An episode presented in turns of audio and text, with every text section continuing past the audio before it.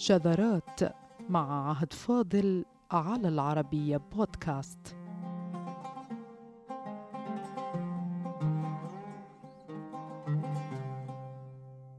في حلقة سابقة كانت من أوائل حلقات برنامجنا هذا كنا خصصناها للغوص وفرد كلمة هي البداع المصرية وهي إحدى أشهر الكلمات العامية. في هذا البلد. ويعرف مدلولها جميع المتكلمين بالعربية. وعرضنا لكم فيها مجمل الأقوال التي صدرت من أئمة العربية المعاصرين. إلا أن الحقيقة النهائية لمعنى هذه الكلمة تبين أنها في غير كل ما قيل وقد كشف هذه الحقيقة صاحب أضخم قواميس العربية ومررها عرضا في كتابه الكبير.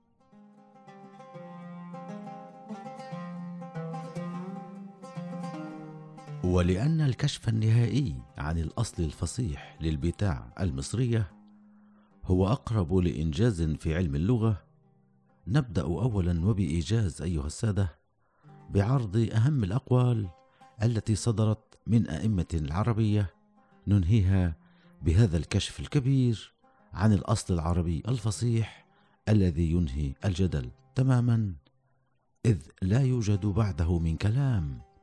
فقد كان كشفا هو الأعمق حول أصول تلك الكلمة العامية الشهيرة البتاع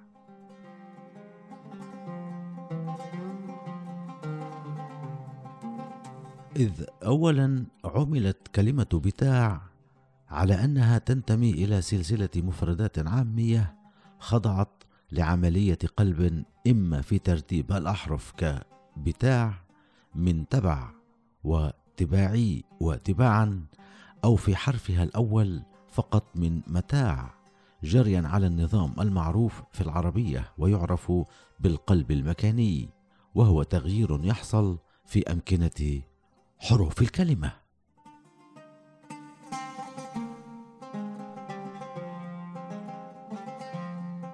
وبحسب تسجيلات المدونين المتأخرين فإن أقدم ما وصل من لغويين يتكلمون عن أصل البتاع المصرية هو مصطفى المدني أو المديني وهو من أهل القرن الحادي عشر للهجرة في كتابه الصغير في المعرب والدخيل. وكتب هامشا منفصلا عن المتن ذكر فيه بتاع فلان بمعنى حقه. عامية مصرية وكان أصلها في قولهم بتع بأمر العلم إذا قطعه دونك واستعمله العامة فيما يختص من صاحبه توسعا. انتهى كلامه المديني أو المدني.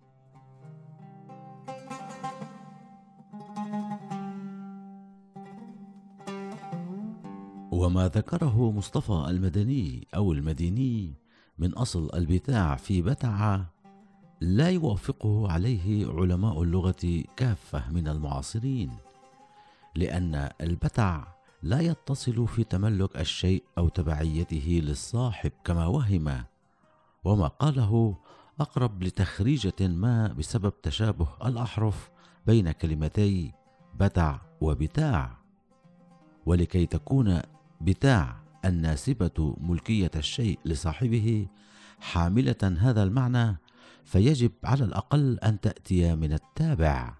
كما قال كثير من اللغويين المعاصرين الذين دوختهم الكلمة إلا أن هذه ليست نهاية المطاف فالمفاجأة في أصل آخر أيها السادة. وكان الأديب اللبناني الشهير صاحب التصانيف أحمد فارس الشدياق والمولود في أول القرن التاسع عشر والمتوفى في أواخره. قد ألمح عرضا لأصل كلمة البتاع المصرية في كتابه المعروف الواسطة في أخبار مالطة. ومهد بأن بتاعنا محرفة من متاعنا وأضاف وممن حرف أيضا لفظه متاع أهل مصر فقلبوا الميم باء أي أن الشدياق كرر ما وقع فيه الآخرون من أصل الكلمة في المتاع فقلبت إلى بتاع وهو أمر وقع فيه الكثيرون بعده. وقد أشرنا لكم في أول الكلام عن ذلك كله.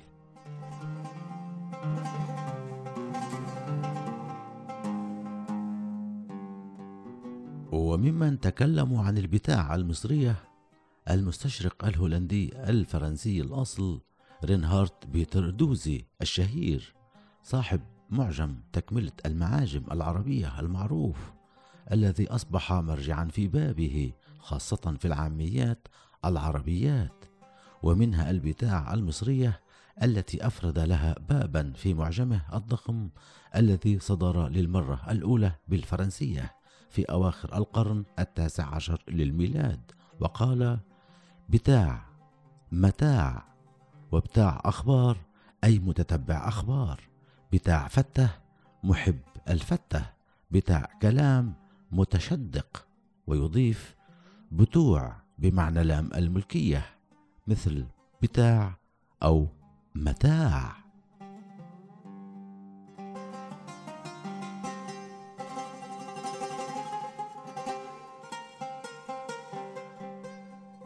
وبعد نحو من نصف قرن من ولادة المستشرق الهولندي الفرنسي دوزي ولد علامة ومؤرخ وكاتب ومؤلف لغوي لبناني مشهور هو الأمير شكيب أرسلان صاحب التصانيف الشهيرة التي صارت من أساسيات التصنيف العربي الحديث ومنها كتابه القول الفصل في رد العامية إلى الأصل.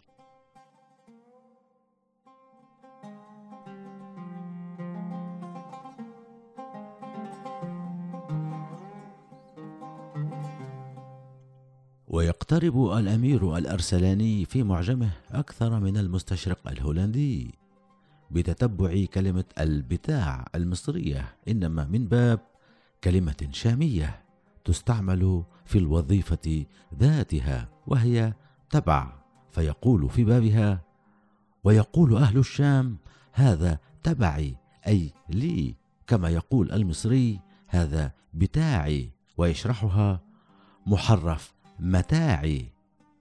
أي أنه يتفق مع تكملة المعاجم العربية بأن البتاع المصرية أصلها في متاع العربيه الأصل بمعنى امتلاك الشيء ويضيف والحاصل أن تبعي الشامية صحيحة ففي اللغة التبع والتابع يقع على الواحد وعلى الجمع.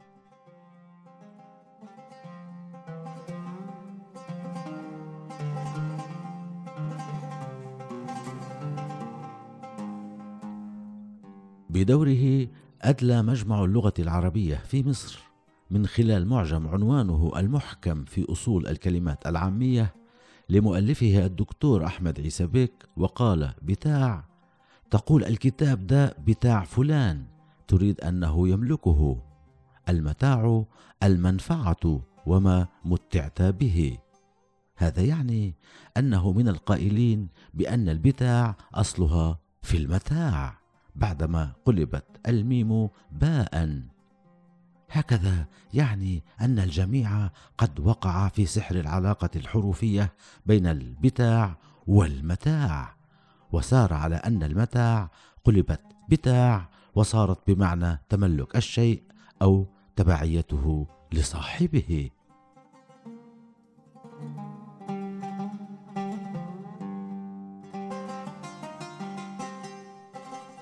وعاد القول إلى تبع الشامية في معجم باسم معجم فصاح العامية الصادر عن مجمع اللغة العربية بدمشق ورد فيه قول العامة في الشام هذا الشيء تبعي أي هو تال ليتبعني ملازما إياي. ومثله معجم حمل الاسم ذاته صدر في لبنان وورد فيه أيضا تبعهم كادت أن تبقى العبارة الفصيحة التبع في عامية الشاميين على أصلها القديم تقريبا ولولا أنها تخصصت في معنى التخصيص فهذا تبعي أي لي وتبعك أي لك وتبعهم أي لهم. ثم يقتبس صاحب فصاح العامية مما سبق وأشار إليه أرسلان في بتاع المصرية كمحرف من متاعي وتبعي الشامية التي تعني لي.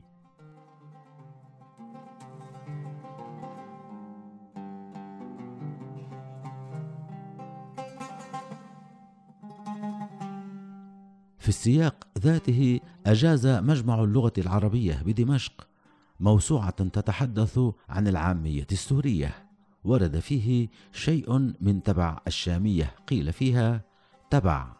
وتقول هذا تبعي أي ملكي. ونرى أيها السادة أن تاعي التي ترد في عاميات الدمشقيين بصفة خاصة فيقولون مثلا القميص تاعي أو الشيء تاعه هي من المصدر ذاته.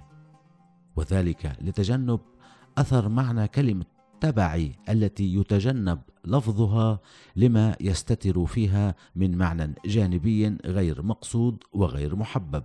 فيقول الدمشقي الشيء تاعي والشيء تاعك بمعنى لي ولك وتاعهم بمعنى لهم وتاعها بمعنى لها.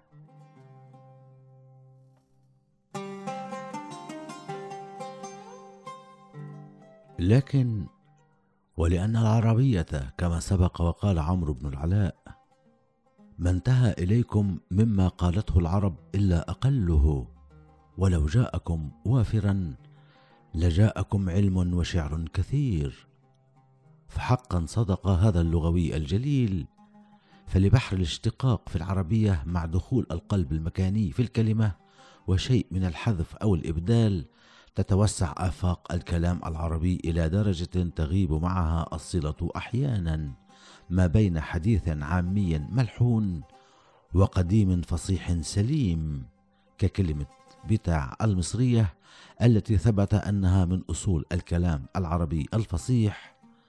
فما هو أصلها النهائي الذي ينهي أي نقاش حولها الآن وفي المستقبل؟ لقد كانت المفاجأة أيها السادة أن الأصل الذي جاءت منه كلمة البتاع المصرية ليس في التبع وليس في المتاع وقطعا ليس في بتاعة بل كان غائبا في أصل شهير إلا أن غالبية أهل اللغة المعاصرين لم يكتشفه فقد ثبت أن الأصل الذي جاءت منه البتاع المصرية في البيع وباع. وليس في التبع أو المتاع. وهذه هي القصة الكاملة النهائية.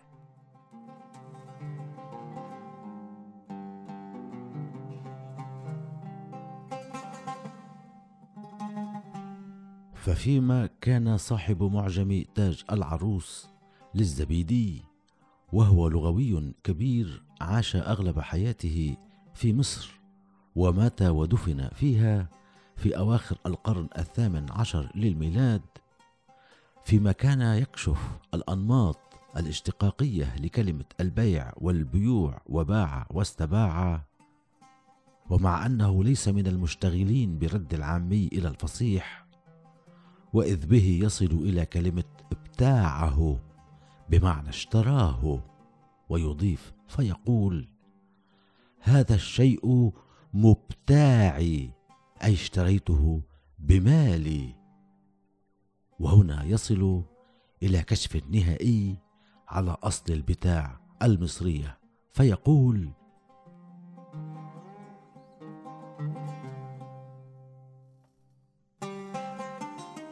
من ابتاعه بمعنى اشتراه وصولا إلى هذا الشيء مبتاعي أي اشتريته بمالي.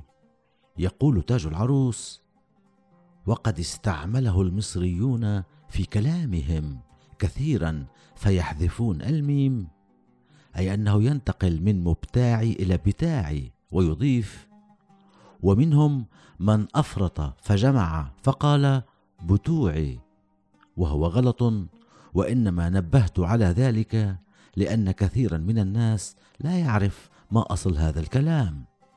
انتهى كلام تاج العروس.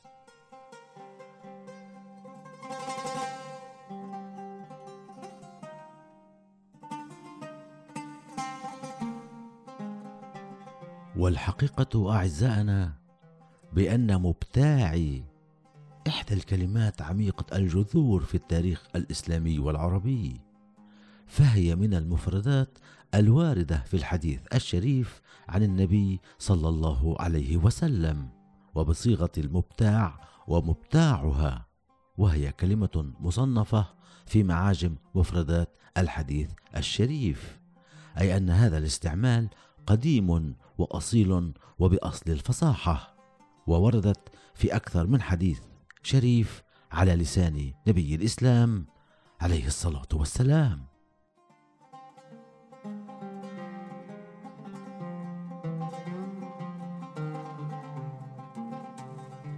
هكذا أعزائنا فإن ما قاله تاج العروس هو التفسير النهائي للعامية المصرية في البتاع.